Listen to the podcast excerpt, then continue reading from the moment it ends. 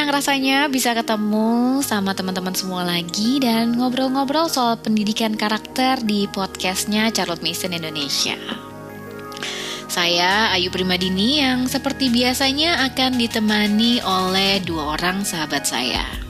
Halo semuanya, kali ini saya Ellen Christy dari Semarang. Senang bisa ikut ngobrol lagi di episode kali ini. Halo, halo. Saya Lili Fresti, nanti juga ikut nih ngeramein obrolan sesuai janji kita di episode yang lalu ya.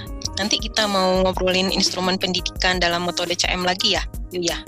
Betul, kemarin kan kita udah bahas kilas ya kalau dalam pendidikan CM itu ada tiga instrumen atau tiga alat yang bisa kita pakai dalam mendidik anak supaya bisa memiliki karakter yang luhur. Ada instrumen atmosfer, disiplin, dan ide-ide hidup. Nah, Hari ini kita mau bahas lebih dalam dulu tentang atmosfer ya. Uh, sosok seperti apa sih yang bisa memberikan atmosfer baik bagi anak-anaknya? Lalu apa aja ya tantangan dan kendala dalam membangun atmosfer yang inspiratif ini? Nah, kalau ingin tahu gimana atmosfer itu bekerja mendidik pribadi anak, lanjut simak obrolan kami ya. Charlotte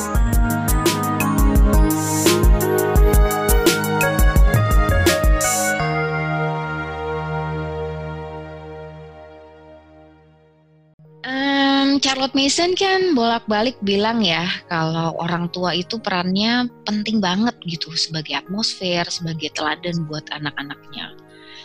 Children see, children do gitu kan ya. Jadi orang mm. tua itu kayak udara yang pancaran ide hidupnya itu langsung dihirup anak-anak sehari-hari. Nah, kalau dari pengalaman sama pengamatan kalian tuh gimana sih? Menurut kalian apa iya orang tua tuh jadi figur yang paling membentuk kehidupan kalian dulu tuh misalnya? Aku dulu ya. Dari mm-hmm. pengalamanku, orang tua itu memang punya dampak besar sih dalam pembentukan kepribadianku. Setelah mm. tak pikir-pikir itu ya, aku yang sekarang itu tanpa aku sadari sebetulnya dipengaruhi banget sama atmosfer ortuku waktu mereka dulu mengasuh didik aku ya. Mm-hmm. Misalnya nih ya, hmm, aku yang antusias banget gitu ya berhubungan dengan alam itu ternyata karena atmosfer dari ortuku juga gitu. Oh gitu ya? Iya, jadi sepanjang ingatanku ya dari aku kecil banget gitu sampai jauh dari rumah itu orang tuaku itu memang kehidupannya selalu bersinggungan dengan alam. Hmm. Waktu bayi gitu ya, orang tua hmm. itu kan punya peternakan ayam yang besar banget gitu di tengah hmm. ladang. Hmm. Kami juga ada rumah tinggal di sana gitu. Jadi masa kecilku tuh ya banyak di sana. Gitu. Oh. Mm. Mm-mm. Jadi peternakannya itu kan akhirnya kan bangkrut karena wabah. Orang tuaku kan ganti profesi, dia buka toko jualan kaset piringan hitam gitu. Mm-hmm. Sementara mamaku uh, sekolah lagi ambil profesi guru gitu. Oh. Tapi tetap meskipun kami berumah di tengah pemukiman, mereka tuh hidupnya nggak jauh-jauh dari hewan ternak dan peliharaan. iya, jadi hobi gitu ya. Iya, jadi pelihara kucing, nggak cuma ayam ya, tapi juga bebek, burung dara banyak banget gitu, bahkan kambing. Mm-hmm. Uh-uh. Dan kami punya kebun kecil di samping rumah yang tanamannya itu ganti-ganti secara berkala gitu. Kadang ya jagung, cabe, terong, ketela gitu. Banyak pohon juga kayak pohon coklat, sirsa, alpukat, melinjo, macam-macam deh gitu. Terus contoh lain ya, mamaku itu kuinget sosoknya pembelajar juga mbak hmm. yang hobinya itu baca gitu. Hmm. Mungkin karena profesinya guru bahasa ya, jadi di rumahku tuh banyak buku bacaan mamaku gitu, yang setelah oh. bisa baca sendiri, aku diam-diam tuh ikut baca juga bukunya mamaku gitu.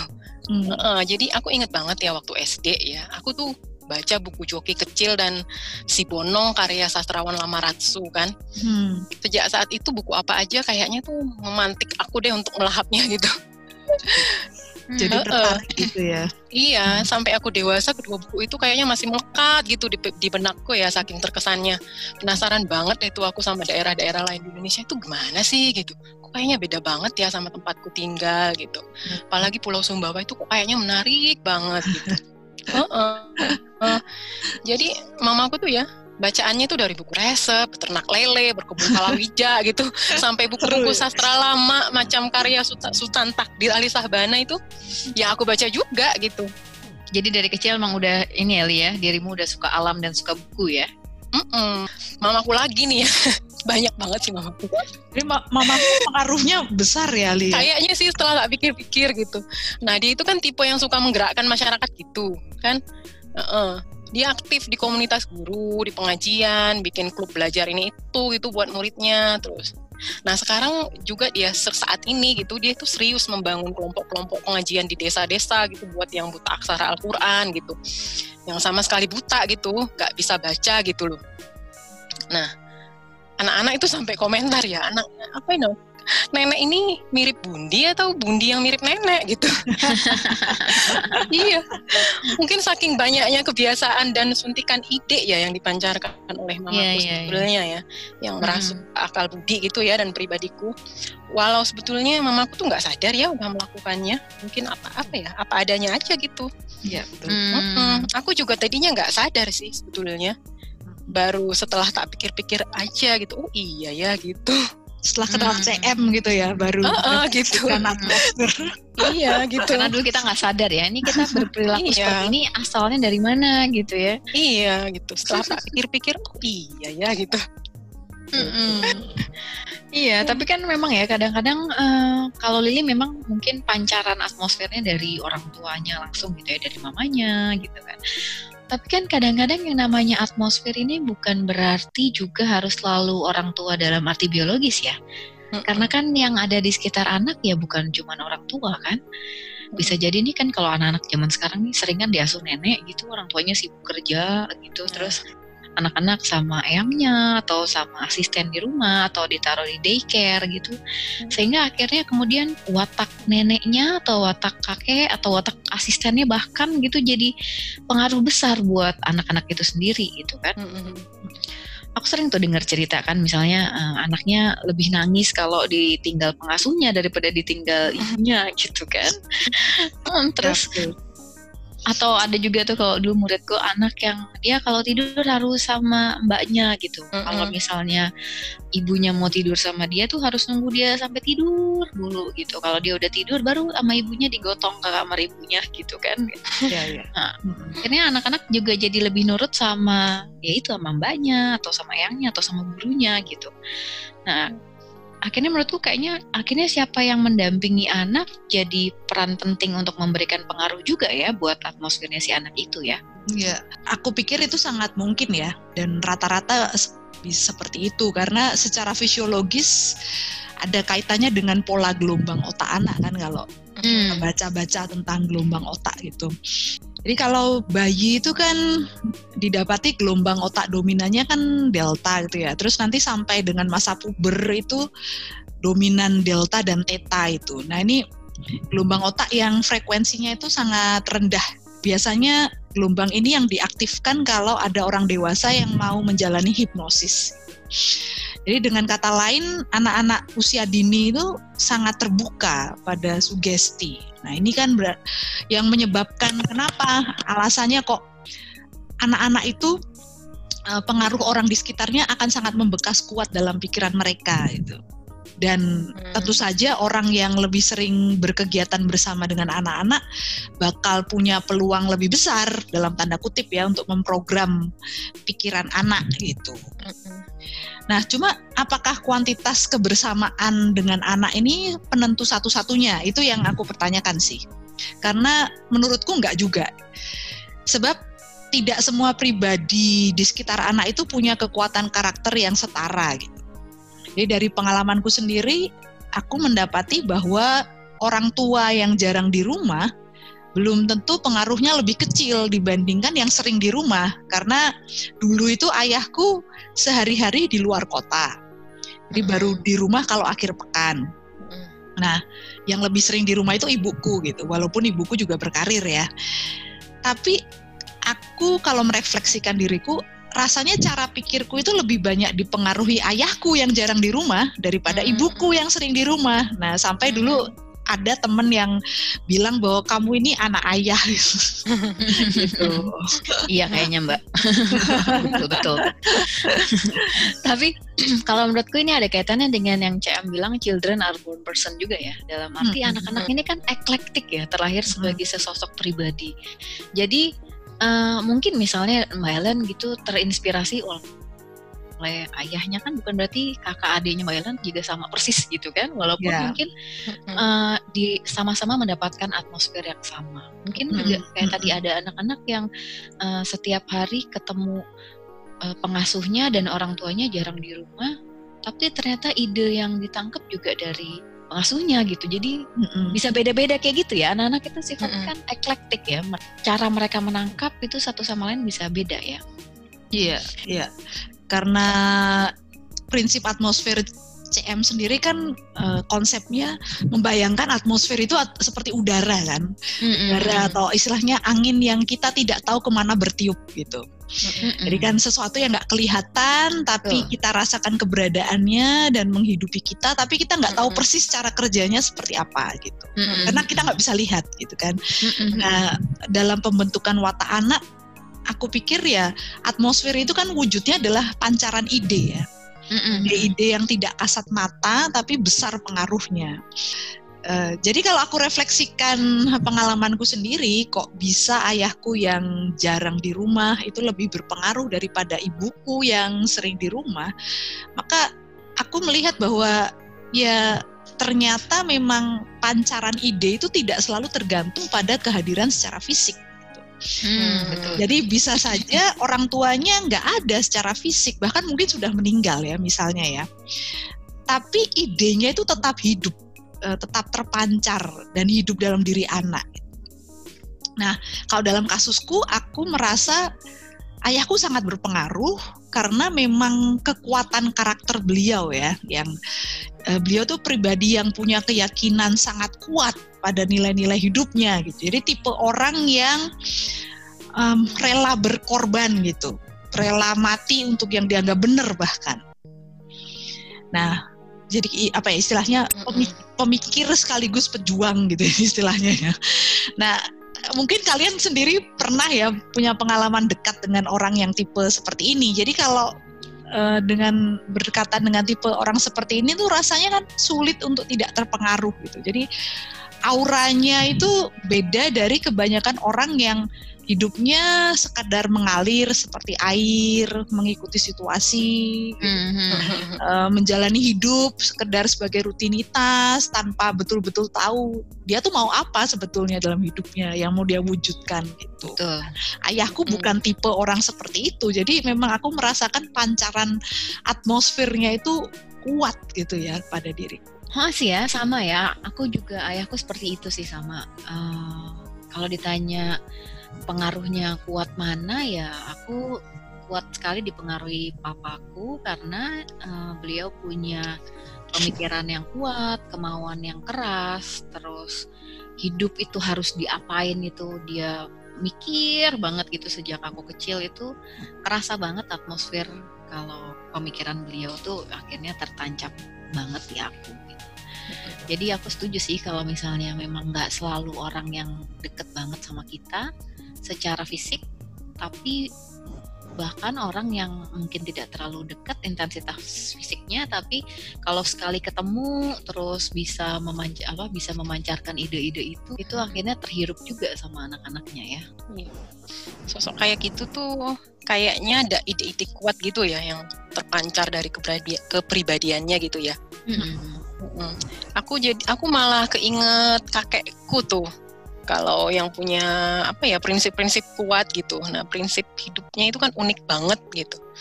Dia itu seingatku ya, rela berhemat demi bisa melayani orang banyak gitu prinsipnya tuh. Keren.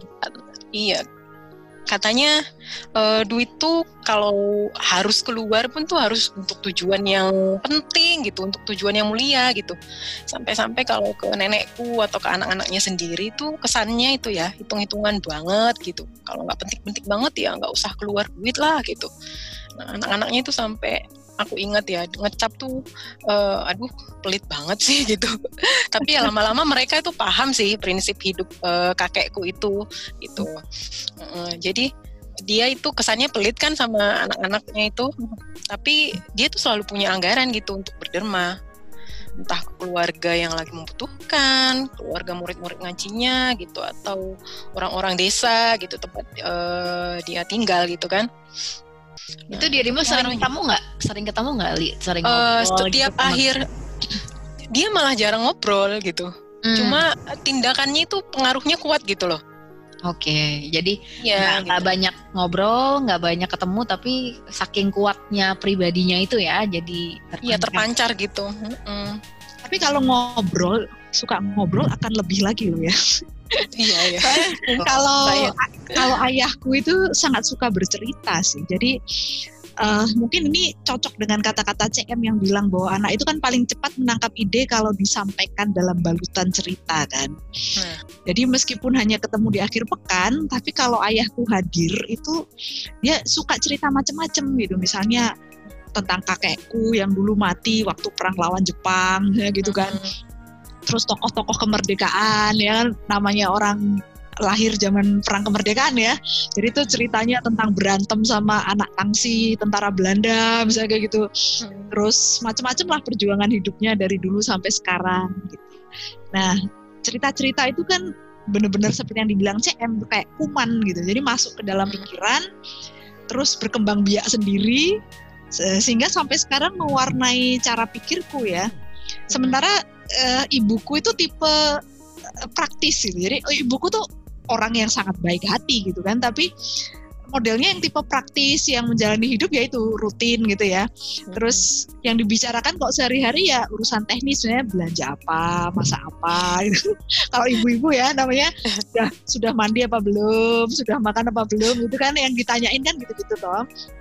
Jadi terus terang yang tidak terlalu banyak kata-kata berkesan yang aku simpan dari percakapanku dengan ibuku gitu. Sementara dari perbincangan dengan ayahku itu banyak ide-ide penting yang aku serap gitu. Misalnya tentang hidup itu tujuannya buat apa, berbakti pada bangsa itu kayak gimana, beragama itu kayak apa. Nah itu aku serap gitu dari percakapan dengan ayahku. Hmm, banyak momen-momen tukar pikiran gitu ya Mbak Ellen ya? Mm-mm, ya sering mm-hmm. sering kalau jadi kalau pas ketemu ayahku tuh tidak pernah membicarakan orang lain. Uh, jarang lah membicarakan ini lagi ada apa peristiwa apa gitu ya tapi lebih ke gosip gitu ya. Uh, jadi gak, gak, gosip gitu. Jadi kalau kami ketemu itu yang diobrolin itu selalu ide ini ide itu hmm. tokoh ini tokoh itu kayak gitu. Jadi hmm. masuk banget ke diriku itu hmm. kebayang kebayang. Ini jadi poin penting ya sebenarnya ya bahwa ngobrolin ide itu suatu hal yang krusial gitu. Bukan cuman sekedar teknis itu kan. Ibu-ibu kan biasanya teknis ya memang ya. Ya. Padahal sebenarnya kalau kita mau transfer ide buat anak-anak supaya anak-anak itu bisa menyerap atmosfer yang baik dari kita ya harus banyak ngobrol yang kisarannya ide ya dan cerita. Nah, dan cerita. Cerita itu memang luar biasa banget ya dampaknya. Aku tuh inget dulu, aku sering banget diceritain nenekku tentang moyang-moyang kami dulu gitu ya. Terus aku setelah besar, setelah ketemu CM juga gitu, aku jadi sering keinget kan sama cerita-cerita nenekku gitu kan. Dan itu kan padahal udah lama banget gitu, waktu aku masih kecil gitu kan kayaknya. Tapi masih membekas gitu rasanya cerita demi cerita itu ya. Jadi uh, selain cerita itu membuat kita terhubung dengan masa lalu, tapi juga cerita itu uh, aktif ya di pikiran kita sehingga berdampak pada diri kita sekarang juga kan. Jadi kalau ketemu anak isinya jangan cuma nyuruh ini, nyuruh itu gitu. Nanti yang diinget cuma itu ya. Dan itu itu nggak itu nggak diinget lagi li, nggak diinget. Jadi diinget ya ketika kita udah besar tuh sampai dulu ngobrolin apa ya sama ibu ya karena iya. mungkin dulu isinya teknis-teknis doang gitu. Banget. Jadi nggak nggak diinget. Kalau kata bahasa orang sekarang tuh kan mempererat bonding ya gitu kan. Yeah, Maksudnya yeah. mempererat bonding itu kan artinya juga uh, ya itu bertukar cerita, bertukar pikiran itu juga hal yang poin penting banget ini kan. Iya, iya. Terus satu hal lagi sih sebetulnya pendidikan adalah atmosfer itu kalau yang aku refleksikan CM tuh intinya sedang memberi kita uh, peringatan bahwa pendidikan itu hakikatnya itu kerja spiritual gitu. Jadi uh, bukan yang diperhatikan jangan hanya materi tapi juga spiritual karena manusia itu uh, bukan hanya makhluk material tapi uh, kodrat spiritual. Nah, dalam kaitannya dengan ini uh, aku sangat ingat sekali membaca tulisan Mohandas Gandhi ya. Jadi Gandhi bilang kalau kita memahami bahwa pendidikan itu adalah kerja spiritual, maka sebetulnya apa yang kita kerjakan saat kita jauh dari anak itu sama pentingnya dengan apa yang kita kerjakan ketika kita sedang bersama dengan anak. Nah, aku pikir itu poin yang sebetulnya sangat perlu dicatat gitu ya oleh kita sebagai pendidik. Karena banyak orang yang berpikir bahwa mendidik anak itu ya sebatas waktu berhadapan dengan anaknya saja. Gitu. Jadi kalau pas lagi di depan anak kelakuannya bermoral, omongannya ceramah moral gitu. Tapi kalau udah jauh dari istri, dari, jauh dari suami, dari anak, nggak ada yang lihat gitu ya. Nanti kelakuannya beda lagi gitu.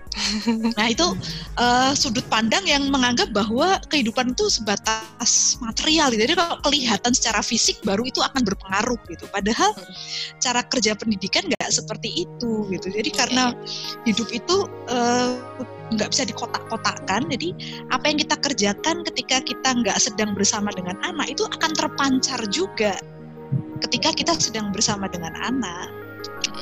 Berarti jadi pendidik itu ya harus punya integritas gitu ya, Mbak ya, nggak bermuka dua gitu ya.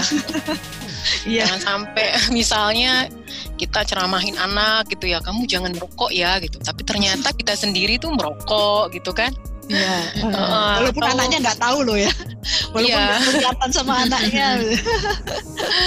atau kita nasehatin apa ya tentang ngomong panjang lebar tentang anti korupsi, ternyata eh ketahuan sendiri kalau korupsi gitu. Jadi mesti apa ya walk the talk ya, harus ya, bisa menjalani ucapan kita sendiri gitu, melakoni ya istilahnya ya. Mm-hmm. Karena mm. iya, karena kalau enggak ya cepat atau lambat itu kan anak sebetulnya bisa ya merasakan perbedaannya gitu. Mm. Mana istilahnya yang mungkin gitu ya hidup yang otentik gitu ya kali ya istilahnya uh, ya. Jadi yeah. uh, pancaran atmosfer atau watak kita itu bukan sesuatu yang bisa dibuat-buat gitu loh. Hmm. Kayaknya ramah padahal di belakang menusuk misalnya gitu kan. nah, karena yang aku lihat paradoksnya adalah orang-orang yang paling inspiratif itu malah tidak mereka tidak berniat menginspirasi siapa siapa gitu. Oh, Kayak tadi bener, Lili bilang kan kakeknya itu ya menjalani hidupnya ya sebagai dirinya apa adanya saja mm -hmm. gitu. Mm -hmm. Tapi karena memang uh, pancaran idenya kuat, jadi orang lain terpengaruh. Dan kadang-kadang dari sisi kita, si siswa atau si anak gitu kan, dulu ya begitu ada seseorang yang pancarannya kuat itu, kalau aku dulu ngerasain waktu aku kecil gitu ya, uh, aku merasakan papaku tuh kok sosoknya kuat banget gitu. Terus kita tuh jadi memperhatikan kan siswa itu jadi memperhatikan dengan seksama papaku tuh ngapain hmm. sih?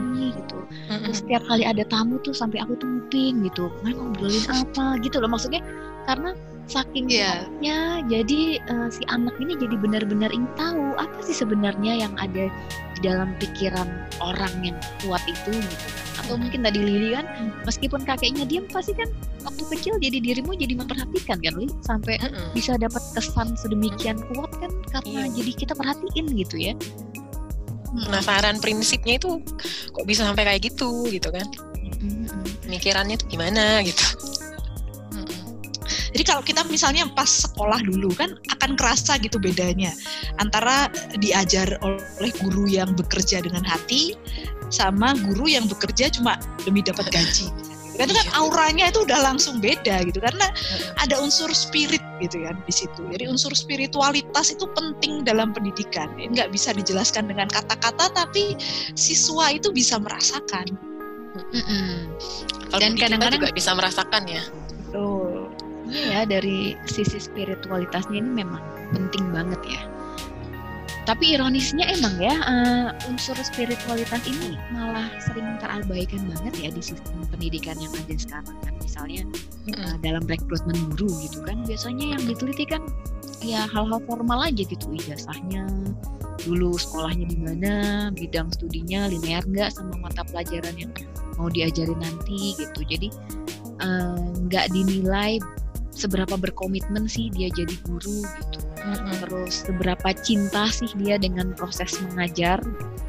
Suka anak-anak nggak? Ah, gitu. hmm. itu bukan hal yang penting gitu. Yang penting dia mau kerja mau cari duit terus nilainya bagus ya udah oke okay, gitu Padahal kan kalau dipikir-pikir ya banyak orang yang sebenarnya berdedikasi, yang punya kecintaan pada proses mengajar itu lebih tinggi, tapi dia nggak punya ijazah guru dan jenjang pendidikannya rendah, itu ya banyak, tapi kesempatan mereka enggak, barangkali ya juga tidak terlalu banyak untuk bisa menjadi guru itu sendiri gitu kan.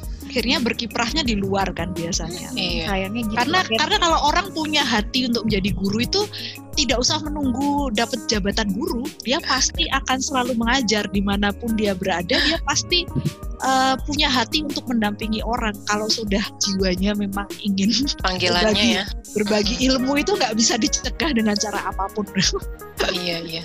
Karena kan nanti akhirnya juga bertabrakan di situ tuh. Maksudnya mm. satu sisi guru ini ingin membagikan uh, semangatnya, ingin membagikan kecintaannya pada proses mengajar gitu. Sementara kalau lembaganya visinya cari duit, jadi nggak match gitu visi antara si guru dan visi si lembaga gitu iya. kan. Eh, nanti gurunya tersiksa. aku malah jadi inget ini loh, mamaku lagi loh sebetulnya.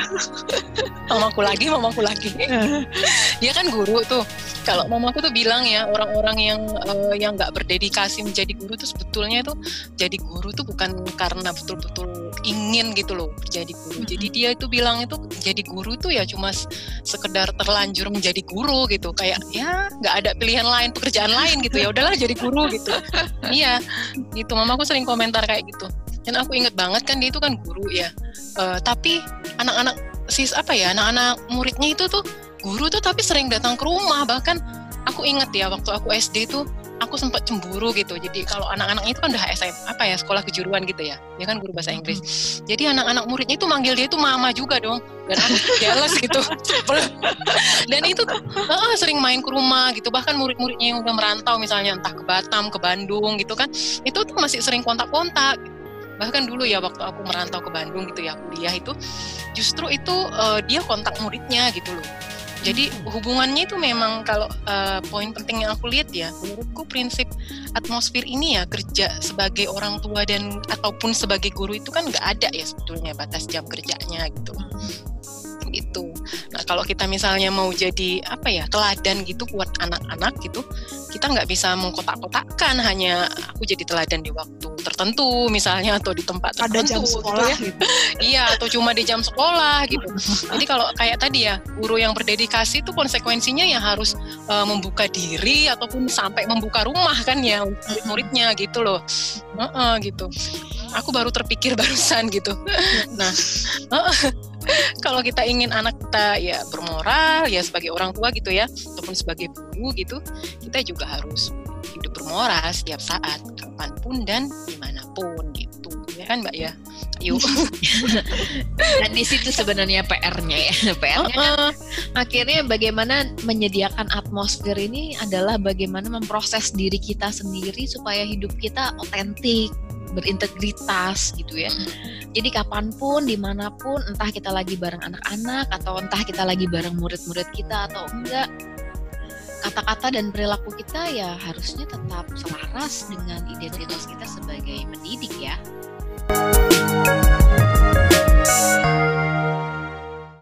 Iya, tadi kan kita udah bahas ya tentang makna atmosfer itu sendiri gitu ya, kurang lebih seperti itu.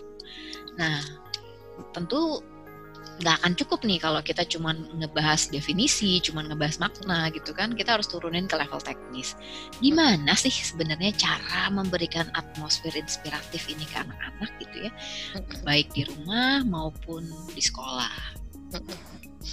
Pastinya kalau CM itu bilangnya kan kita jangan sampai keliru ya memahami atmosfer ini dengan rekayasa lingkungan ya kan.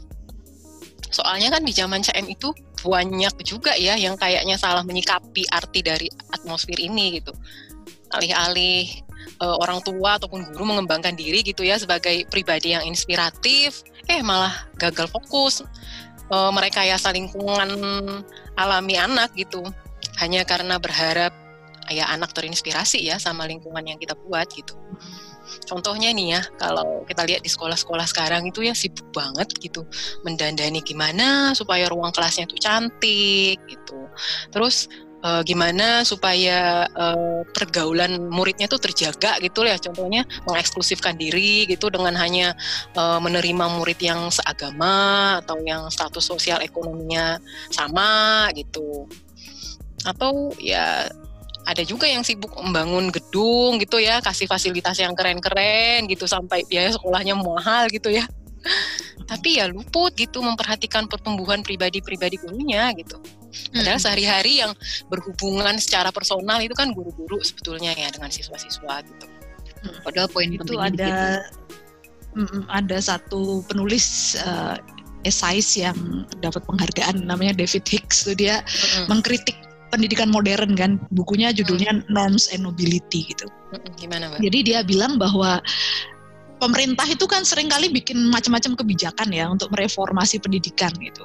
Dan anggarannya tuh gede banget gitu kan. Tapi eh, dampaknya tuh kurang kurang besar gitu mentok hmm. malah kadang-kadang karena anggarannya itu habis lebih ke untuk ngotak-atik kurikulum gitu kan membangun hmm. infrastruktur tapi hmm. sedikit uh, tidak benar-benar ada perhatian yang uh, upaya yang betul-betul sistematis dan uh, berkelanjutan untuk mentransformasi guru-gurunya gitu. Padahal kalau da dari prinsip pendidikan adalah atmosfernya CM ini aspek manusianya itu nomor satu gitu. Jadi penting sekali mau secanggih apa pun sistemnya, kurikulumnya, infrastrukturnya, tetap kualitas manusianya itu yang menentukan gitu kan. Ibaratnya itu the man behind the gun gitu kan ya. Siapa yang mau menjalankan itu? Walaupun sekolahnya jelek misalnya. Aku dulu sekolah di sekolah yang ini sih maksudnya tidak favorit gitu. Tapi kalau ketemu guru yang memang bekerjanya dengan dedikasi gitu eh, muridnya pun bisa terinspirasi loh. Walaupun nggak ada infrastruktur yang memadai misalnya kayak gitu. itu kalau kata CM ini ya sibuk ngurusin dekorasi.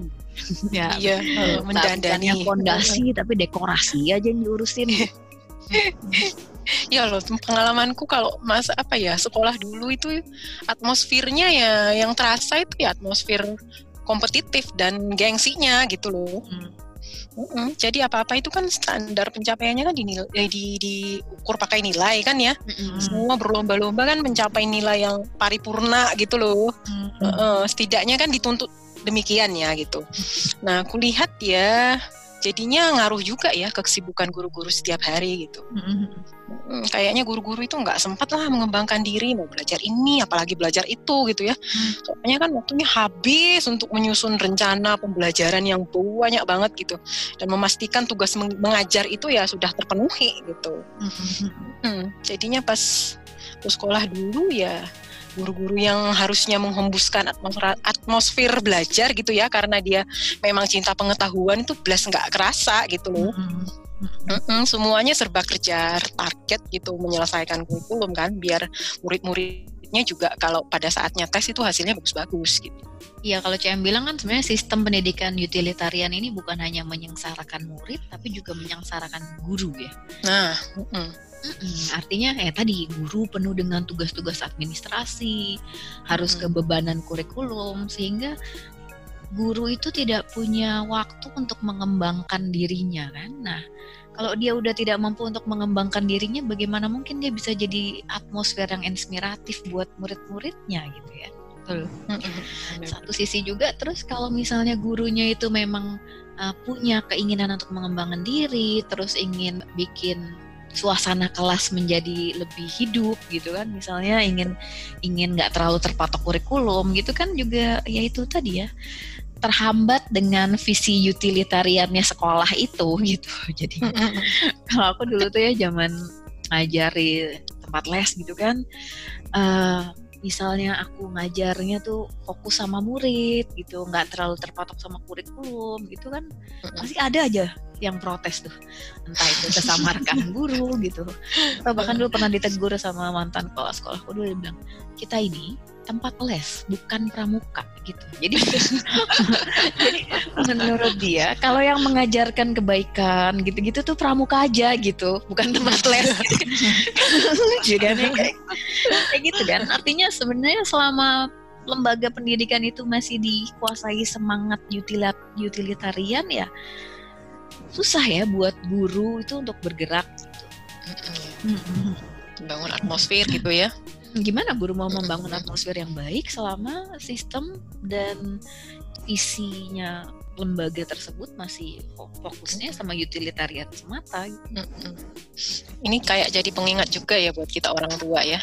Mm -mm. Kita itu harus sadar lah kalau sebetulnya kita ya nggak bisa memasrahkan urusan pembentukan karakter anak itu 100% ke tangan sekolah gitu. Nah, betul.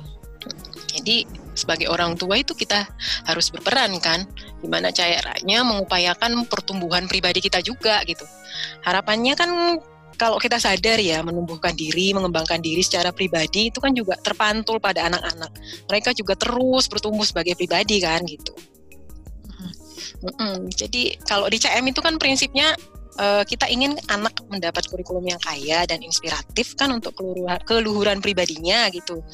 Nah, berarti kita sebagai orang tua ya, sebagai atmosfer gitu loh yang untuk anak-anak kita juga harus punya kurikulum belajar sendiri kan untuk tujuan serupa ya biar pertumbuhan pribadi kita itu nggak mandek gitu. Ya.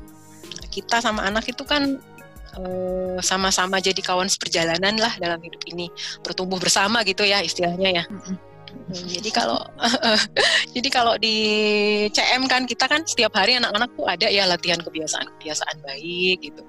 Kita juga uh, rutin mengasuh anak dengan ide-ide hidup yang cukup gitu. Yang mestinya kita juga gitu ya.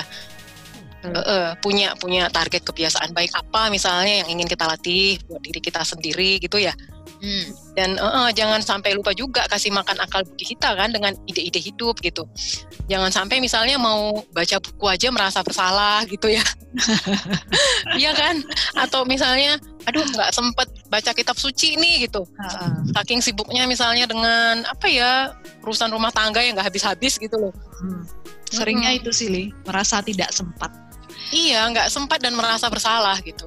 Hmm Mm-mm. Padahal kan kita tahu hal-hal uh, bukan hal-hal teknis gitu loh yang yang sampai ke akal budi anak gitu, tapi ya justru uh, pancaran ide gitu tadi ya Mbak ya. Mm-hmm. Gitu. Yang orang tua juga mesti siap itu sebetulnya kalau anak uh, menunjukkan pada kita bagian-bagian mana dari diri kita yang harus kita perbaiki. Mm. Soalnya itu kalau aku mendampingi beberapa ibu kan ya, jadi kalau ada uh, mereka curhat gitu, katanya waktu dulu belum punya anak tuh mereka merasa mereka tuh orang yang sabar gitu.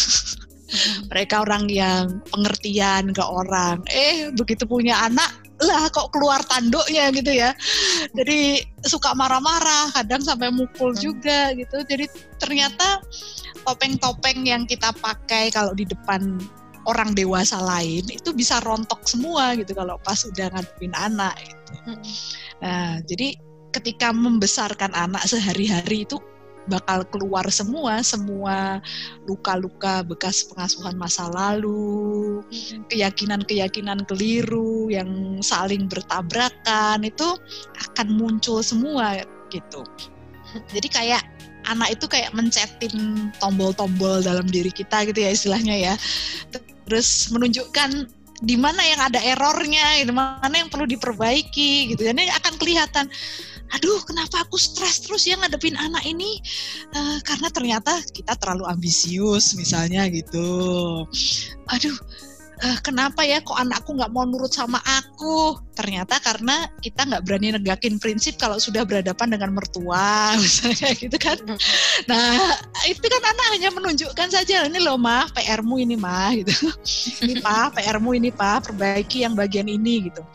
Nah, jadi kalau kita cuma bisa ngomong teori muluk-muluk tapi nggak bisa mempraktekkan itu anak itu kan tahu gitu ya bisa kebaca iya. ya. Uh, uh, jadi kalau orang tuanya resisten di, dikritik apa dikasih uh, masukan, nggak mau bereksperimen dengan hidupnya, merasa uh, ya sudah aku begini saja gitu, nggak mau belajar hal-hal baru. Ya bagaimana kita bisa punya hak untuk menuntut kita berperilaku kebalikan dari itu gitu. Hmm. Jadi kalau kita ingin anak-anak kita suka belajar ya berarti kita harus suka belajar kan gitu. Nah, tapi beratnya kan untuk bertumbuh ini kan harus berani keluar dari zona nyaman ya. Jadi harus mau membongkar program-program lama, melakukan langkah-langkah yang nggak populer. Bahkan kalau misalnya kita kerja sebagai guru di dalam sistem, kadang-kadang kita harus berani head to head sama sistemnya gitu. Mm-hmm. Nah ini tantangan besar ya. Tapi kalau dari pengalamanku karena aku dulu juga uh, mengajar sekian lama, uh, tetap selalu ada celah sih untuk melakukan inovasi dan terobosan gitu ya. Kalau kita betul-betul paham apa sih misi kita ada di sini. Misalnya saya ingin membantu anak-anak saya, murid-murid saya mekar dalam segala potensinya maka selalu ada peluang untuk melakukan itu dan asalkan kita tidak takut uh, menderita ya menjalani, menjalani misi kita itu karena ya kita harus yakin bahwa ini sesuatu yang benar untuk dilakukan dan saya uh, siap untuk menanggung konsekuensi dari uh, upaya saya melakukannya. Betul, karena mau nggak mau memang harus berbeda ya dari kebanyakan hmm. orang ya atau iya, dari iya, iya. misi Melawan atau arus. visi ya visi lembaga itu sendiri ya. ya memang ya akhirnya intinya memang uh, kalimat standar banget ya raising children is raising ourselves ya kalau yang namanya menumbuhkan anak-anak ya menumbuhkan diri kita sendiri gitu ya. Kita perlu sadar bahwa pendidikan kan tidak hanya berhenti uh, sejak kita selesai sekolah gitu ya. Selama kita masih hidup ya kita masih makhluk hidup gitu kan. Selama kita masih makhluk hidup ya berarti kita masih perlu terus bertumbuh gitu. Bukan hanya bertumbuh fisik tapi juga bertumbuh secara spiritual kan Nah, ini proses penting banget ini bertumbuh secara spiritual supaya uh, atmosfer keinginan bertumbuh secara spiritual kita ini terhirup oleh anak-anak ya. Bukan hanya untuk kepentingan anak-anak sebenarnya, tapi juga untuk kepentingan diri kita sendiri ya. Supaya kita bisa menjalani hidup yang otentik, terus kita giat belajar. Gimana kita Berat, Berat tapi perlu untuk dikerjakan. Betul. Ini komitmen. Ini kayak gampang ya sebetulnya, cuma ya itu butuh komitmen dan kekuatan kehendak itu ya, Mbak. Itu komitmennya ini loh yang uh. perlu dikuatkan gitu. Kalau aku selalu berpikir bahwa yang namanya kita menetapkan visi itu ya nggak bisa sekali jalan ya. Maksudnya kita kepengen kita jadi orang yang bertumbuh gitu kan, nggak bisa cuma asal ngomong gitu. Ini benar-benar sesuatu yang harus kita lakoni setiap hari. Kita jaga konsistensi kita gitu. Terus kita supply diri kita terus menerus dengan uh, energi gitu kan kita perlu belajar supaya kita terus punya kekuatan gitu. Jadi dan ini sih yuk tentang mencari kawan seperjalanan juga. Nah, betul. Kalau kita sendirian akan terasa rasanya kadang-kadang mau menyerah, mau putus asa hmm. karena energinya habis kalau kita sendiri. Nah, kita hmm. akan sangat terbantu kalau misalnya kita punya eh, kawanan ya istilahnya ya komunitas uh, teman-teman yang sama-sama saling menguatkan untuk melakukan perjalanan ini secara uh, konsisten ya itu akan hmm. sangat akan membantu kita sekali. Mungkin kalau punya kawan seperjalanan gitu bisa memantik refleksi juga ya mbak. Ya. ya, karena karena kan manusia ini makhluk sosial ya. Jadi yang namanya kawan itu ya penting banget ya. Biar gimana kan kadang-kadang kelakuan kita ini dipengaruhi oleh kawan-kawan kita ya. Gimana uh-huh. kita mau menjalani hidup yang uh, bertumbuh secara spiritual kalau kawan-kawan kita tidak seperti itu gitu kan. Yeah. jadi memang penting banget ya setuju banget bahwa kawan seperjalanan ini penting banget gitu ya teman-teman uh, sekalian. Uh, terima kasih karena sudah mendengarkan podcast kita hari ini yang berkutat di masalah uh, education is an atmosphere ya gitu uh, minggu depan kita akan bahas uh, poin kedua dari instrumen pendidikan Charles Mason yaitu education is a discipline. Disiplin kayak apa sih? Atau instrumen pendidikan yang namanya disiplin ini seperti apa prosesnya dalam pendidikan Charles Mason? Kita obrolin minggu depan ya. Sampai ketemu.